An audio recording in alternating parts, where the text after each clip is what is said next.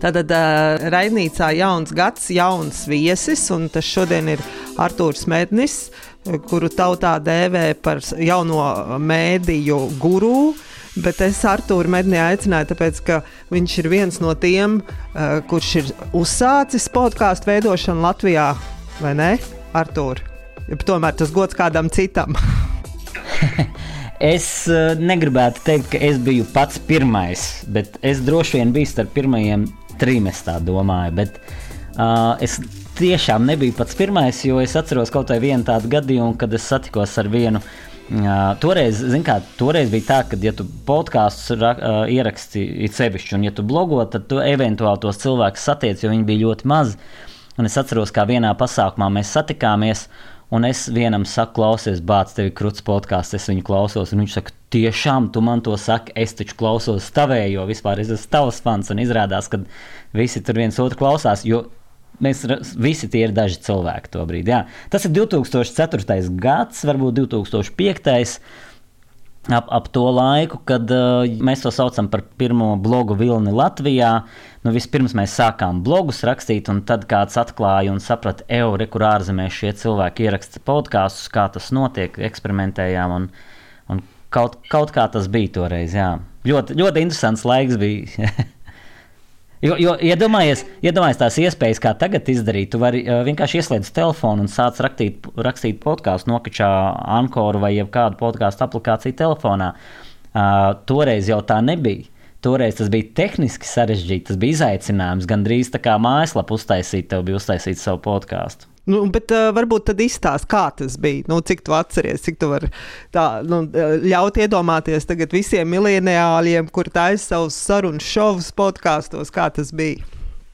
Nu, tas bija drausmīgi sarežģīti. Pirmkārt, tev vajadzēja saprast, kā uh, ierakstīt audio skaņu uh, uh, nu, datorā dabūt iekšā. Un, un tālāk, ko ar šo darīt, kā šo, uh, šo ierakstīto audio nu, izlikt, um, izlikt jebkur publiski. Ja? Tā tad iedomājies, tad, tad, tad nu, kaut kā tu esi iemācījies WordPressā vai kā citādāk uztaisīt to mājaslapu. Tad tu esi atradis kaut kādus šos pluginus, kurā tu vari ielikt uh, MP3 iekšā un viņš atskaņo tāda, tāda feature, kā parakstīties uh, Spotify, saņemt, apskatīties, brauzēt, meklēt jaunākos podkāstus, interesantākos, parakstīties, saņemt.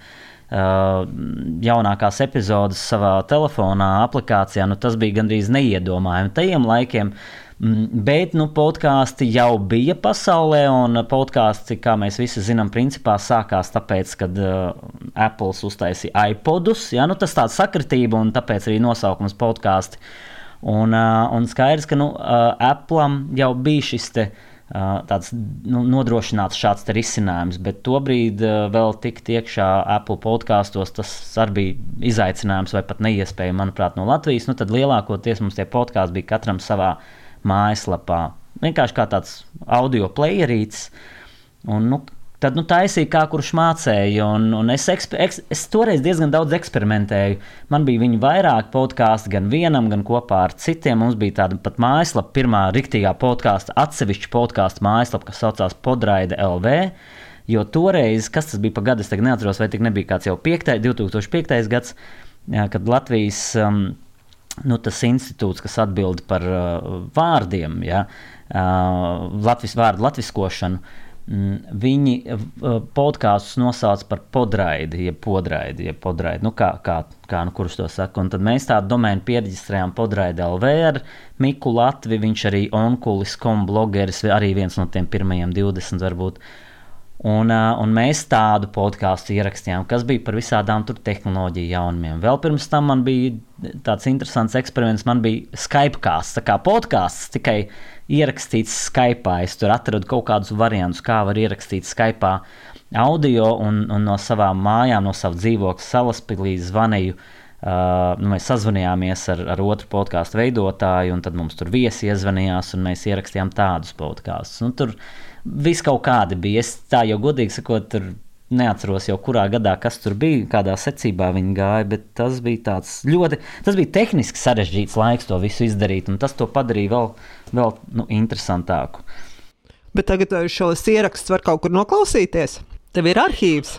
Nu, nē, protams, nu, bija tā, kā tas, tas bija, un, un tas ir, pa, ir pazudis. Es ļoti rūpīgi meklējot, kaut kad atradu sev kaut kādos backup failos kaut kādu 50. vai 30. vai 40. epizodi vienam no, no ierakstiem. Nu, tā paklausījos druscītiņā, tur tā skaņas kvalitāte bija, nu, kāda bija toreiz. Bet, nē, nu, bija interesanti, jā, nu, tur, nu, mēs runājam par to, kas mums interesē. Man tajā brīdī ļoti interesēja visas tehnoloģijas, viss kā attīstās, viss digitālais, jaunas features, uh, Skype, Skype var failus sūtīt. Nu, Kaut kas tam līdzīgs, ja tur nu, par visādām lietām, kas toreiz notika, un par to mēs runājām.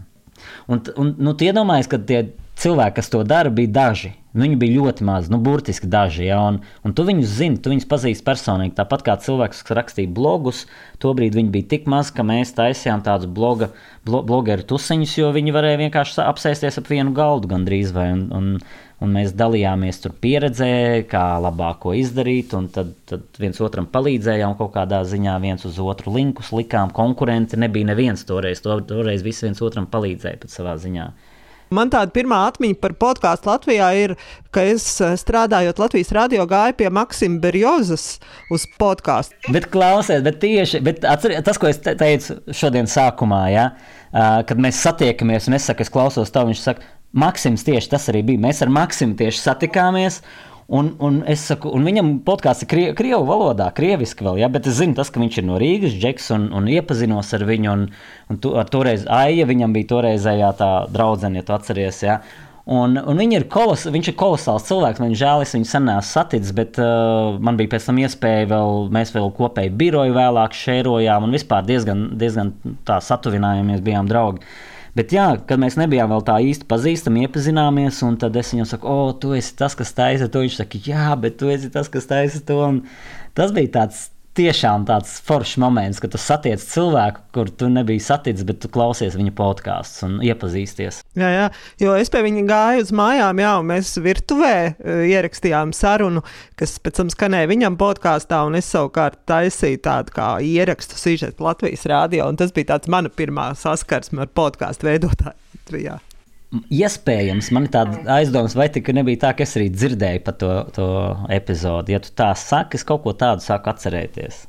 Tas arī bija tāds ļoti interesants, jā, priekš manis piedzīvojums, es pat teiktu. Bet tad es saprotu, ka tu podkāstu pasaulē atgriezies atkal, un tev bija podkāsts, kurā tu intervēji dažādas um, ar biznesa pasauli saistītas cilvēkus. Uh, jā, tā, uh, nu, tā tad Es tā epizodiski ik pa laikam atgriezos podkāstu pasaulē. Es pat īsti nekur nepazudu. Es jau turpināju klausīties, turpināju palīdzēt citiem cilvēkiem attīstīt viņu podkāstus, vai ar padomu, vai kā citādāk.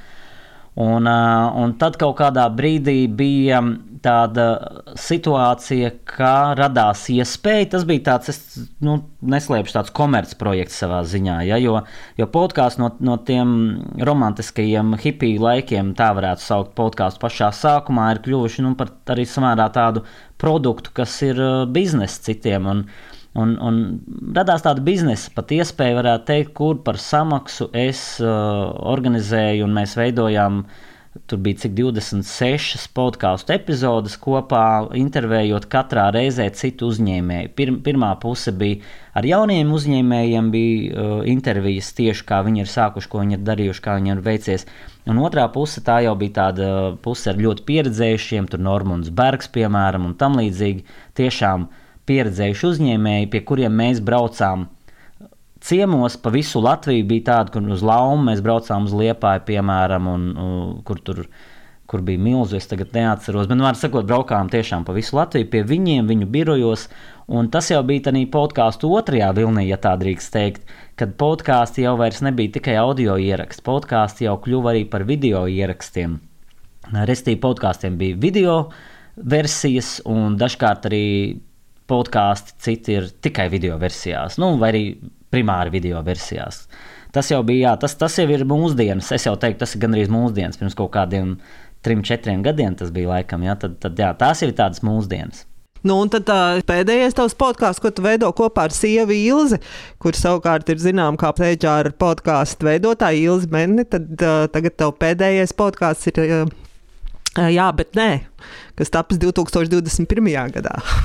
pagājušajā gadā mums radās tāda doma, doma radās īstenībā pat, pat samērā sen, ka vajadzētu nu, kopā ierakstīt podkāstu, jo viņai tas podkāsts ir labs, kvalitīvs, veiksmīgs, foršs un, un man pašam ļoti patīk un saturiski un tehniski. Nu, atsakot, viss ir forši.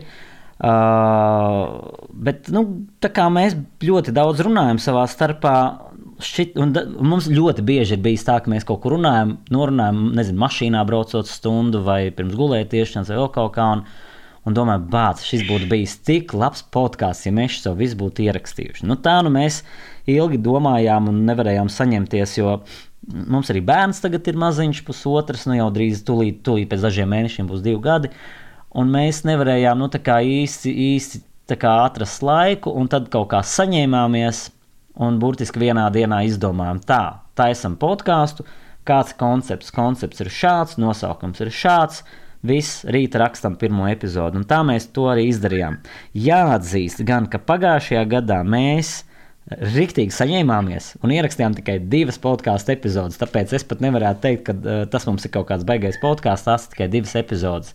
Bet nu, mēs plānojam šajā gadā saņemties, šajā gadā atkal atsākt, jo uh, mums diezgan daudz cilvēku ir pēkšņi sākuši rakstīt, ka tagad tikai, tikai nu, gadu mijā ir atraduši mūsu šo podkāstu abas epizodes, noklausījušies, viņiem patīk tas koncepts, un viņi gribētu turpināt un iesaka tēmas jau un tā tālāk. Un mums šķiet, ka jā, ir ļoti daudz tēmas, par kurām varētu vēl parunāt, tā kā pastrīdēties, kā mēs sakām, podkāstā. Jā, man, man pašam laikam patīk podkāsts, kas ir nevis vienkārši tāda pamuldēšana, papļurkstēšana, bet ka tev ir kaut kāds koncepts. Mm, tev ir tāda konkrēta doma, ko tu gribi pateikt, eh, vai varbūt pat tu vēl nezini, ko tu gribi pateikt, bet nu, ir tēma, un tu esi sagatavojies, un, un tad mēs par šo tēmu runājam. Man patīk šāda tipa podkāstu, arī tie, ko es klausos, galvenokārt ir. Es viņus klausos tāpēc, ka es zinu, kaut kādu tēmu. Es, es zinu, ko es ar to gribu iegūt, uzzināt, vai saprast, vai atklāt. Tas man patīk. Kā tu to redzi ar savu pieredzi, ka tu esi redzējis, kā podkāsts Latvijā tappa pirms 15 gadiem, un tagad un, uh, es biju tajā procesā blakus visu šo laiku? Nu, kā tu varētu to salīdzināt, kā bija tad un tagad? Kas ir tas, kas mainās? Nu, tad tur jārunā tādās vairākās paralēlēs. Ja, piemēram, viena no tām paralēlēm droši vien ir jau podkāsts kā biznesa, cita paralēla ir podkāstu tehniskās iespējas, kas ir tagad, kas nebija agrāk tādas, kā ir tagad, saturiski un tā tālāk. Nu, sāksim droši vien saturiski, tad agrāk tie podkāsti, gan kurus es klausījos, gan kurus es taisīju pats arī. Un toreiz, tic man, es klausījos laikam visus Latvijas podkāstus, jo viņu nebija tik daudz, viņi varēja noklausīties viņus visus. Um, toreiz tie podkāsti bija tādi nu, par līdzīgām tēmām, jo, jo nu, līdzīgi tie cilvēki, kas uzsāka šos podkāstus, viņi bija ļoti vien, vienādi, ļoti līdzīgi domājoši. Viņi bija tehnoloģiju entuziasti. Uh, arī nu, ar pirmajiem blogeriem tas pats Kristaps Skutelis. Ja, ja, ja, nu, viņš drusku vēlāk sāka blogot, bet, bet viņš bija tādā, varētu teikt, pirmajā blogeru vilnī, kad, kad viņš jau sāka savu privāto podkāstu, Kristaps LV, nevis podkāstu, bet blogu taisīt. Un, un, nu, tad iedomājieties, tie pirmie blogeri, pirmie podkāsteri, viņi bija cilvēkam interesē šīs līdzīgās tēmas, tehnoloģijas. Uh, sociālie mēdīji, digitālās lietas, dažādas gadgeti un viss, kā tas attīstīsies. Līdz ar to lielākoties šie pirmie podkāsti bija nu, plus mīnus šādi. Ne visi, bet nu, plus mīnus. Maksim podkāsts druscītiņi atšķīrās, tāpēc, ka viņam arī trāpījās, tā kā tas bija krievu valodā, ja, tad Maksim Berjoza podkāsts, tad, tad viņam trāpījās samērā labi liela autori, kas viņu klausījās arī krievu, krievu valodā un Krievijā. Uh, tad nu, viņš bija tāds plašāks nedaudz. Bet galvenokārt, tātad tīri tematiski, tas bija diezgan šaurs podkāsts. Un ejot laikam, mēs šobrīd redzam, ka nu, es pat nevaru iedomāties, vai ir kāda tēma, par ko jau nebūtu uztaisīts podkāsts pasaulē, un nu jau es teiktu, gandrīz jau arī Latvijā. Jā, ļoti līdzīgu. Un, um, līdz ar to šobrīd podkāsti vairs nav tāda tikai parunāšanās, vai, vai pat ja tematiska konkrēta parunāšanās, uh, kā, kā bija agrāk. Mums dažkārt nebija, mums bija zināms, ko mēs runāsim, kādas tēmas, mums, bet mums nebija sarakstīti teksti. Mums nebija, uh, teiksim, pēcapstrāde, vai nebija vispār, vai bija minimāli izgriežot E un A ārā. bet uh, nebija tāds producentu uh, darbs, kā tur dažos, piemēram, podkāstos, atvērtie faili, piemēram, ja, kur ir uh, Latvijā, kur ir Uh, skaņu režisors, ja nemaldos, un producents un tā tālāk. Un tas ir tāds uh, nu, superkvalitīvs produkts, tāds ar ierakstīts vairāku dienu garumā, un principā kā tāds radio raidījums, un ļoti profesionāls un dziļš un tā tālāk. Nu, podkāsts tāda nebija toreiz. Podkāsts bija saruna par tēmu, uh, bet tā bija nu, tāda vairāk saruna. Un, vai arī monologs, bet par konkrēto kaut kādu tēmu. Un, un tās tēmas, nu, kā jau minēju, bija šādas.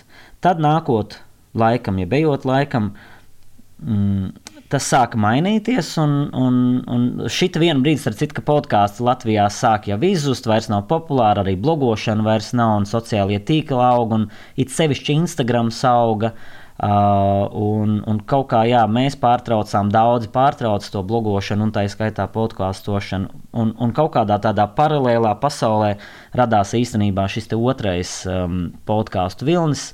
Kurā mēs tā nedaudz joprojām dzīvojam, nu jau ejam trešajā vilnī Latvijā, manā skatījumā. Proti, uh, izrādījās, nu, ka re, YouTube ir ļoti kolosāla platforma. Izrādās, ka uh, tu vari ierakstīt ar video, un, un podkāstu ar video pat aiziet labāk. Nu, tur ne visi, bet daudz, daži ja, vai vairāk. Un, un tā tālāk, un sāk attīstīties šie podkāsti.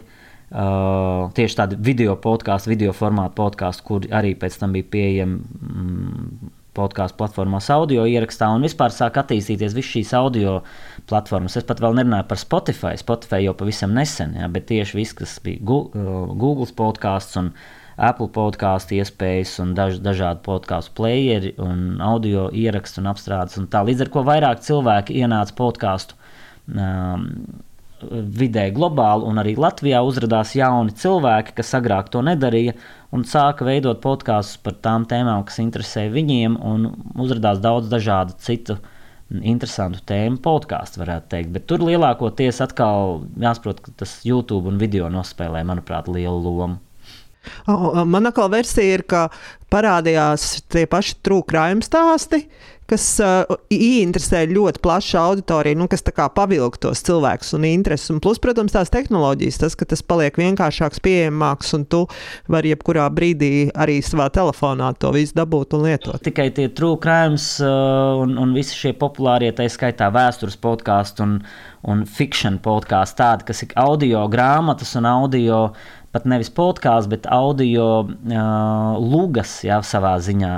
Um, nu, kurus bija grūti man sākumā pieņemt, ka tie podkāsti tie drīzāk, jo, jo podkāstus es neuztvēru kā audio formātu, es uztvēru kā saturiski, kas ir podkāsts. Tā ir aptuveni kāda sar, tāda saruna, kā mēs šodien sarunājamies. Ja? Nu, tā man šķita, bet izrādās, ka nē, izrādās, ka podkāsts var būt arī tiešām arī šāds te, šādas te audio lugas. Uh, Un podkāsts izrādās ir arī tāds tehnisks formāts. Tas ir veids, kā šis signāls, šis, šī ziņa līdz tevis nonāk. Bet tas notika jau drusku vēlāk. Tu jau te runā par pēdējiem pieciem gadiem. Ja, ja mēs paskatāmies no, no 22. gada, ja mēs tagad atņemam uh, ejam uz 2004. un 2005. gadu, tad tie ir kaut kādi 17 gadi, laikam, atpakaļ, vai cik tur sanāk. Ja? Uh, un, un tie pēdējie pieci gadi ir tieši, kad jau nāca tiešām tādi komerciāli veiksmīgi pasaules mēroga uh, hīti. Ja? Un es nerunāju par Džoju Roganu šobrīd, kas ir vispār fenomens un izņēmums. Es runāju tiešām par, par to, ka ir uh, jau podkāstu production house, ja tā tad uh, kompānijas, kas specializējas tikai uz podkāstu ierakstiem, vai, vai kaut vai tas slavenais piemērs ar, uh, kā tur bija Colher Daddy, ja, uh, kur meitenes pēc otrā podkāsta jau uzaicināja podkāstu producenti, noslēdza ļoti lielu līgumu ar viņiem. Nu, tur vesels skandāls pēc tam bija. Un, un beigās Spotify par 50 miljoniem ir nopircis šo, nu, pārpircis pie sevis jā, šo podkāstu. Nu, tas, ta, tas viss notika tagad, burtiski pēdējos piecos gados, bet pirms tam pieciem gadiem, arī tā, nu, vai vairāk, pirms sešiem, septiņiem, pirms desmit gadiem pat varētu teikt, tā vēl īsti nebija. Un tad, nu, tad joprojām podkāsts, vismaz Latvijā, bija tāda niša, un ārzemēs podkāsts bija kā jebkura tāda nopietna mēdīja, tāda pievienotā vērtība, kaut kas tāds pielikts klāt un podkāsts kā biznesu. No Amerikā jā, bet Eiropā un Latvijā sevišķi vēl vispār neviens neuztvēra. Tā kā jā, tas paralēli attīstījās, tēmas mainījās, nāca vairāk cilvēku iekšā, bija plašākas tēmas, šī tehniskā iespējamība. Es biju izmēģinājis savulaik nu, visu, ko varēju izmēģināt. Jā, jebko, kas radās, es izmēģināju katru servisu, katru aplikāciju, tā skaitā par podkāstiem arī. Un, uh, un tagad pēdējā laikā mazāk, bet toreiz ļoti daudz. Un, un, nu, es redzēju, kā tas attīstās un, un kā tas gāja uz priekšu. Tiešām tas kļuva pieejamāks visiem. Nu, jau tu telefonā varēji ierakstīt tiešām un, un publicēt no telefona. Tas, tas bija tāds spēcīgs uh, mudinājums, nu, spēcīgs, spēcīgs rūdens uz priekšu.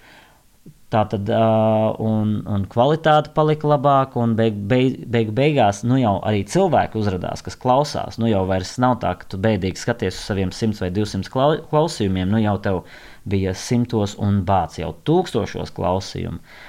Un, un tad jau tu principā, nu, vai nu tev bija uh, ideja, ko tu gribi pastāstīt, vai arī tev bija tikai vēlme taisīt podkāstu. Jo, ja tev ir ideja, tad, tad ir super, bet ja tev ir vēlme taisīt, un nav idejas, tad jau vajag tikai skatīties, kas iet pasaulē, vai par ko tu vari stāstīt, vai ko tu zini, vai otrādi, ko tu nezini, un gribi caur podkāstiem uzzināt, un, un, un tā tālāk. Un, un pēdējos gados, ko es redzu Latvijā, ir sevišķi tur gan Latvijas rādio ir liels nopelns tam visam, bet ne tikai arī citiem dažiem mēdījiem. Protams, kad uh, ir šie podkāsti, kas ir uh, nu, tā, tādā, kā lai to pasakā, tādā kā radio kategorijā, tāda ra radio raidījuma podkāsts, kas ir jau tādā kvalitātē producēta kā radio raidījuma vai pat radio raidījuma podkāstu versijas kļūst pieejams plašākai auditorijai, jo, viņi, jo šīs versijas ir pieejamas tagad arī podkāstu playeros. Un, uh, man tas, starp citu, diezgan uh, patika. Nu, man nedaudz joprojām tas mulsina, bet no otras puses man tas ļoti patīk. Es uzskatu, tas ir ļoti pareizi. Jo es kā cilvēks, kas uh, visdrīzāk 99% ļoti interesantu raidi, uh, raidījumu, jebkāda radio raidījuma, bet arī Latvijas radio, ja sevišķi man patīk daudz raidījumu, es viņus palaidu garām. Uh, un tad man ir nu, reālajā laikā ēterā. Un es zinu, ka ir mājaslapa, kurā var ieiet un noklausīties viņus ierakstā, bet nu, tur meklēt, es nezinu, vai kaut kas ir mainījies. Es atceros, kā bija agrāk. Nu, grūti diezgan. Un šī podkāstu versija ir ļoti ērta tiešām noklausīties un piekļūt šai informācijai un paklausīties. Un, Es neesmu jautājis, izmantojot, uh, neesmu interesējies, izmantojot iespējas, gribētu pajautāt, te, piemēram, atvērtie faili. Tas ir radioraidījums vai tas ir? Radioraidījums. Ok, nu, radioraidījums, kas ir pieejams podkāstu versijā, bet kvalitāte un veids, kā, kā producēts šis radioraidījums, ir ļoti kolosāli. Man ļoti patīk, un, un es to varu salīdzināt ar labākajiem analītiskiem radi, televīzijas raidījumiem, kur ir tikai vēl tas vizuālais materiāls klāts kā tu teiktu, nu, podkāstu latviešu valodā vai podkāstu, kas tapuši Latvijā, protams, ir arī podkāsts angliski, krieviski un tā tālāk. Kā tu to redzi? Nu, kur mēs esam? Kā mums iet? nu, es teikšu tā, ka varbūt mums neiet tik spīdoši, kā gribētos. Jāņem vērā, ka cilvēku ir tik, cik ir, un, un cilvēki, kas runā, lasa vai klausās un saprot latviešu valodu, arī ir tik, cik ir. Uh, tāpēc uh, nu, uz šo nelielo auditoriju ir jārēķinās. Bet tāda ir tā dzīve, ar to jārēķinās, ka tas pats ir notiek arī citās valstīs, kas varbūt ir vēl mazākas. No otras puses, arī nu, nav jau nemaz tik slikti. Mums ir tā, vairāki desmiti kvalitatīvu labu podkāstu, kas uh, salīdzinoši regulāri iznāk. Uh, interesanti podkāsti. Mm, protams, ja mēs paņemam, paskatāmies šeit, skaitot kopā ar, ar tiem video podkāstiem, kas ir tās nu, tie populārākie augšgalā varbūt tie arī nav ne obligāti paši dziļākie, intelektuālākie, un viņi ir tādi izklaidējoši un, un, un mazāk nopietni vai, vai smieklīgāki un, un tādi, kas nu, tā apelē pie plašākas auditorijas. Bet, ja mēs paskatāmies, kas ir skatītākie raidījumi un kas ir lasītākie žurnāli, nu, tā tas vienkārši ir. Um, Amerikā jau un visā pasaulē jau notiek ļoti līdzīgi. Nav tā, ka dziļi analītiskākie, paši gudrākie podkāsti ir visklausītākie un populārākie. Tā kā mēs ejam kopā ar laiku, bet kāpēc podkāsts Latvijā ilgu laiku stagnēja un joprojām es nedomāju, ka kļūs par baigi, baigi, baigo mainstream, bet, bet tik un tā es viņos ļoti ticu, kā ļoti labā tādā, ļoti labs mēdīju veids. Uh, ir tas, ka mums vienkārši uh, tīri tā ikdiena un dzīve mm, ir ļoti atšķirīgas starp to, kā tas, piemēram, ir Amerikā. Kāpēc Amerikā podkāsts ieguva uh, lielu popularitāti 2000. gadu sākumā, nu, tad, kad tehniski tas kļuva iespējams, ja, tad viens no tādiem būtiskiem momentiem bija tas, kad cilvēki jau toreiz nu, pavadīja aptuveni 50, 60, nu, 50, 55, 60 minūtes uh, ceļā uz darbu un no darba. Un ļoti bieži, ja viņi nes, nebija automašīnā, viņi pavadīja šo laiku metro. Un tobrīd, uh, vismaz Amerikas liel, lielpilsētu metro, nu, uh, neķēra, mm, neķēra FM radiostacijas. Nu, tev nebija iespējams klausīties FM, un tobrīd mēs runājam par 2000. gadu sākumu. Internets telefonā arī nebija. Un tu nevarēji, tagad, tos podkāstus vai kādu veidu citu saturu klausīties uh, reālajā laikā, internetā. Tāpēc tu savā mūzikas playerītī vai šajā te, uh, iPadā, toreiz pirmajā, kas iznāca, ja iPodā, nevis iPadā, nejauksim, uh, tu panākti aizgāja gulēt, viņi uzlika lādēties un automātiski ielādēja iekšā šo jaunāko podkāstu, kas varbūt bija arī tiešām stundas gara saruna. Uh, un tev bija ko klausīties, braucot vai nu mašīnā, vai metro uz darbu. Un arī lielajos debeskrāpjos dažkārt tīri konstrukcijas dēļ nevienmēr labi gāja cauri um, FM, radio FM signāls. Un, uh, nu, oficiālos birojos un mājās. Un tad arī tas, tas bija laba zīme, nu, kad varēja ienākt arī šis podkāstu saturs iekšā cilvēkiem viņu austiņās un, un, tumbiņās. Uh, jo nu, internets arī vēl nebija tāds īsti, ka varētu tur klausīties strīmā. Nu, tāda Spotify nebija, ja, nu, atceramies. Un tā. un, un tāpēc tā ir drusku cita situācija. Latvijā jau tā nav. Latvijā mēs līdz darbam aizējām pa 5 līdz 30 minūtēm, ja mēs braucam ar uh, sabiedrisko vai, vai uh, mašīnu. Nu, labi, trāpām sastrēgumā, bet tas laiks ir pietiekami īss. Uh, paklausamies rādio. Un, jo visur radio iet cauri sasniedzams. Un, nu, tagad ir sevišķi vēl pat telefons, visur ir internets, pies, internet pieslēgums. Tāpēc es teiktu, ka nu, tā vide, kā attīstījās podkāsts Latvijā un Amerikā, bija ļoti atšķirīga. Un kāda ir tava pēdējā laika atklājuma, vai ko tu gribētu padalīties ar, ar klausītājiem, ar citiem, nu, nezinu, interesants podkāsts, vai kas tev ir tāds aizvadītā gada notikums no, no tāda klausīšanās viedokļa, ar ko tu varētu padalīties? Jo mēs arī aicinājām podkāstu veidotājus padalīties ar saviem gada notikumiem, un tad mēs arī atskaņosim pēc tevis teiktā. Raidnīcā, ko viņi teica, bet varbūt tu vari padalīties ar savu. No tādiem globālajiem man ir daži, kas man nu, teiksim, ir uzrunājuši vai, vai interesē. Uh, vien, viens no tādiem ir um, jeb, jebkādi podkāsti, kur piedalās vai piedalās vai ieraksta Brenē uh, Brauna, un to man ieteica mana sieva, Ilza Mēdina. Klausieties viņas podkāstu, HR podkāstu LV pareklamēšu. Ja, bet Tur bija, tas bija interesanti, jo viņi vienkārši man vienreiz atsūtīja linku. Viņa teica, Artur, šis tev ir jānoklausās, jo tas bija tieši kaut kas saistīts ar, ar to, kā strādāt ar personālu, ar darbiniekiem, uzņēmumu un tā. Un es sāku klausīties vienkārši arī citus viņas podkāstus, un es atklāju, hmm, Tad, kad es ar bērnu eju pastaigā no ratiņiem, un tā ir kaut kāda stunda, ja viņš guļ un es ar viņu nesarunājos, tad tas ir labs brīdis, kad vai nu paskatīties gar, garos, tieši garās formas, YouTube video vai vēl labāk, vienkārši uzlikt austiņas, ieslēgt podkāstu, un tu vienkārši šeit baudi dabu un klausies. Tu ļoti labi vari koncentrēties, neko neskaties ekrānā un, un ļoti labi. Un, jā, tātad viņas podkāsti būtu tāds viens, ja viņa kā vispār kā grāmatu autora un, un ko es ieteiktu, bet tas man nāca no sievas ieteikums. Es pats atradu, manuprāt, ļoti kolosālu zinātnieku. Pasniedzēju, uh, es pat nezinu, viņš mediķis laikam nav, bet es pieņemu, viņam ir medicīniskā izglītība. Ir tāds Andriju Huberman, Huberman, precīzāk, Andriju Huberman. Un, uh, un viņš uh, parasti viņa podkāsts ir vismaz divu stundu un vairāk gari. Un tie podkāsti, viņš pārsvarā viens runā, šeit ir bijis intervijas, viņš piedalās citās intervijās, un tie podkāsti, es sākumā atklāju podkāstu, pēc tam es uzzināju, ka viņam ir arī YouTube kanāls, kur ir tieši tas pats podkāsts, kur viņš vienkārši kamerā skatās un runā, un tas ir viens pret vienu. Ja.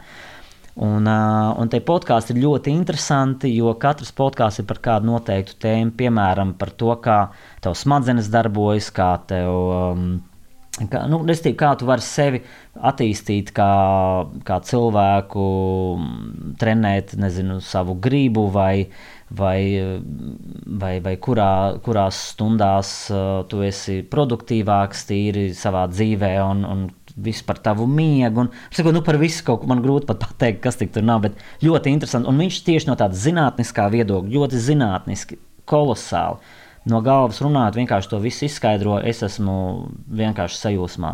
Tātad Andrija Hubermans man ļoti patīk. Un tādu trešo es varētu minēt, um, tīri, ja kāds grib sekot līdzi visam nu, jaunākajam un interesantākajam, tādam, kā es teiktu, pēdējiem kaut kādiem trendiem pat un tam līdzīgi, tad uh, varbūt. Ir sevišķi tie, kas vēl no, no tiem vecajiem podkāstu un blogu laikiem atcerieties, kad bija Dig.com, tāda populāra lapa. Tās veidotājs bija Kevins Ross. Un Kevi, Kevins Ross uh, joprojām nekur nav pazudis. Uh, Dig jau ir pārdots sen, un viņš vairs tur nav iekšā, bet viņš ir dažādos startupos, visu, kaut ko interesantu dara. Un viņam ir tāds interesants podkāsts, kas saucās Modern Finance. Un, uh, un, un tur viņš uh, intervē dažādus uh, citus cilvēkus. Nu, pats runā, parasti piedalās arī kāds uh, cilvēks no šīs jomas, un kā jau pēc nosaukuma var saprast, Modern Finance tas nav par, par, par akciju tirgu vai ieguldījumiem, tas ir vairāk par tādām jaunajām lietām, NFT, tur, kripto un, un tā tālāk, viss šis arī metavērs un tā, bet atkal. Lielā mērā tas tāpēc, ka tagad man šī joma interesē, bet es arī uh, esmu klausījies arī viņa iepriekšējos podkāstus. Viņam ir arī vēl citi podkāsti. Ir tāpēc, ka man tas Kevins Ross kā cilvēks ļoti simpatizē, un man, man ir vienmēr interesējis, ko viņš dara un vienmēr ir darījis jau kopš, kopš tiem laikiem, kad bija Digicom. Jā. Tā ka šie būtu tādi trīs ieteikumi, ko es varētu ieteikt, bet es droši vien klausos daudz vairāk, un, un es nepievēršu uzmanību, kas to stāsta, kas to runā. Es tīri pēc tās tēmas skatos. Ra Raidīts arī palūdzām citus Latvijas uh, podkāstu veidotājus padalīties ar saviem 2021. gada atklājumiem, un tad mēs varētu tos paklausīties, un tad tālāk turpinam sarunu. Mani sauc Dārzs Freibergs, esmu podkāstu producents un viens no podkāstu vizu vaļā vadītājiem, un šis ir mans top 3. Trešajā vietā Clubhouse un Live audio chats. Lai gan Clubhouse nu jau šķiet pavisam apklusis, tieši šīs platformas parādīšanās audio saturam iedeva jaunu vilkli. Šobrīd jau redzam, ka visas lielākās sociālo tīklu platformas audio chatu funkcionalitāti ievieš pie sevis un domāju, ka nākotnē tieši audio chatu dos podkāsteriem iespēju iesaistīt savu auditoriju, ko šobrīd podkāstu platformās ir izdarīt ļoti grūti, un paplašināt savus satura formātus.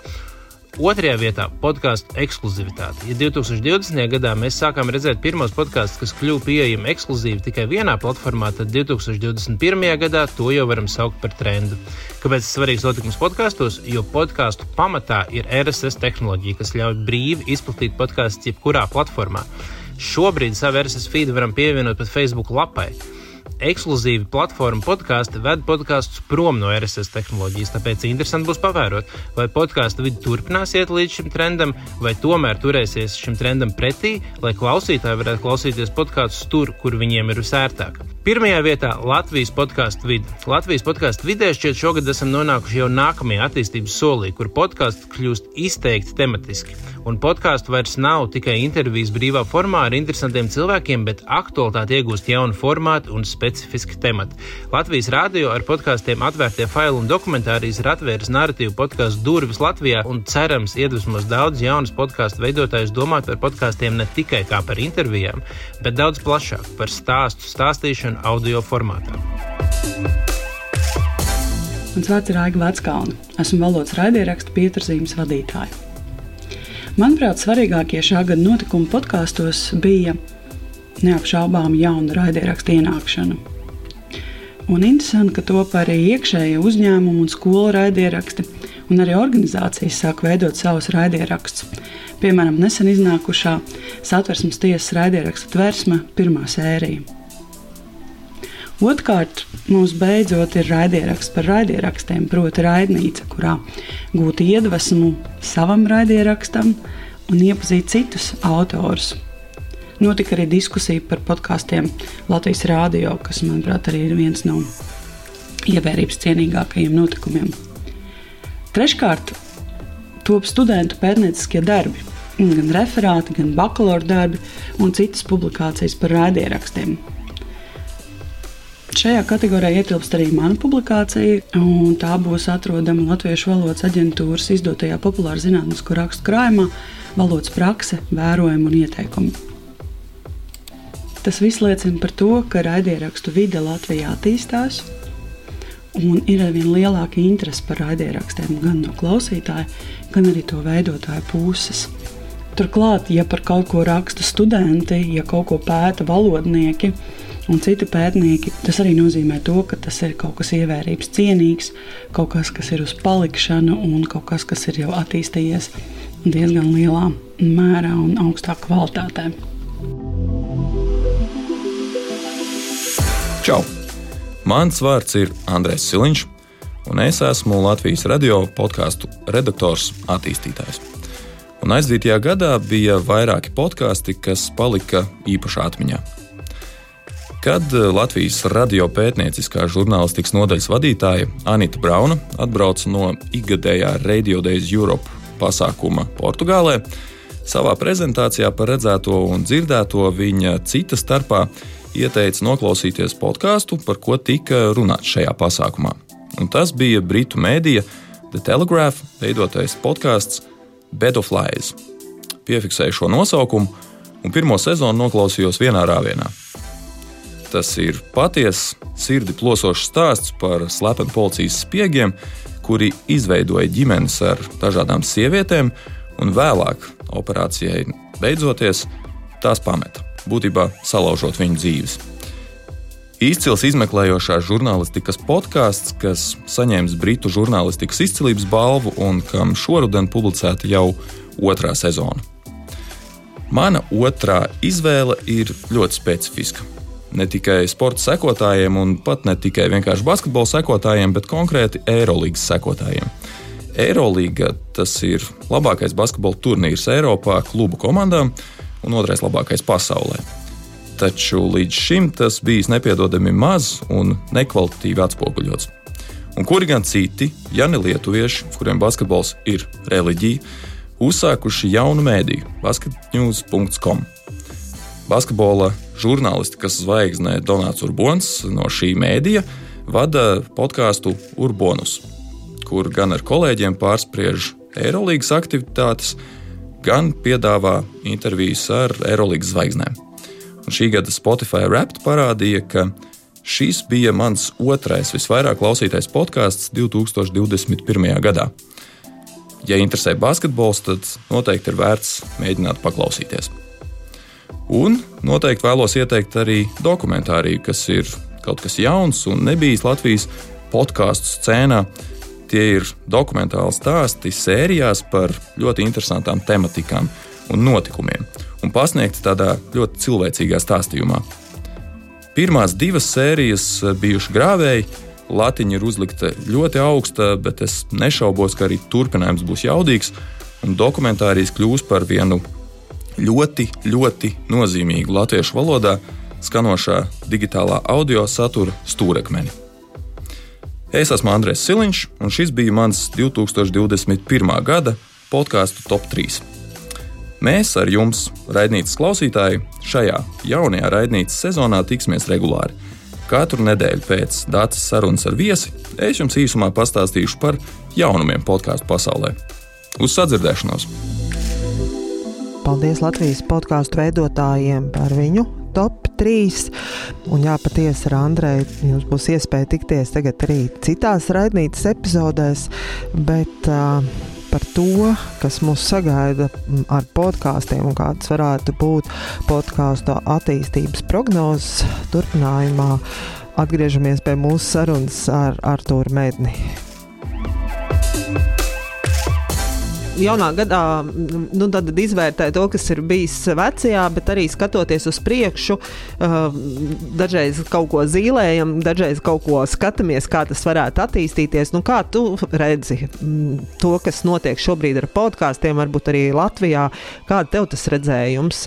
Redzi, digitālajā vidē un vispār mēdīju vidē ir cīņa par uzmanību un par laiku.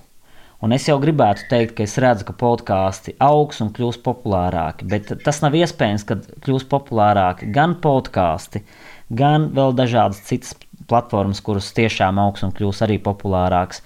Jo tīri fiziski cilvēkam ir tik laiks, cik ir tās 24 stundas, kuru laikā vēl jāizspēj, jāspēj izdarīt daudz citas lietas. Un kā rezultātā nu, nevar būt tā, ka augs viss, kaut kas augs un kaut kas neaugs. Ar to es gribu teikt, ka es ceru, ka kvalitīva podkāstu klausīšanās Latvijā turpinās augt kaut vai tā iemesla pēc, ka Latvijā šobrīd uh, samērā maz cilvēku klausās podkāstus. Tā tad ir vēl kur augt tīri jauno klausītāju dēļ, kas pienāks kā jaunie klausītāji, kas sāks mūs klausīties, kas līdz šim neklausījās podkāstus.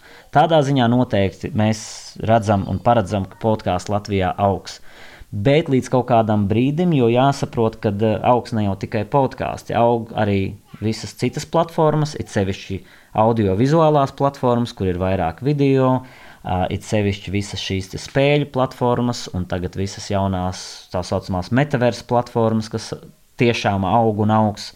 Un tur būs vislielākais pieaugums, ja mēs tā skatāmies nākošajos piecos līdz desmit gados, nu vismaz piecos pat, ja ņemam.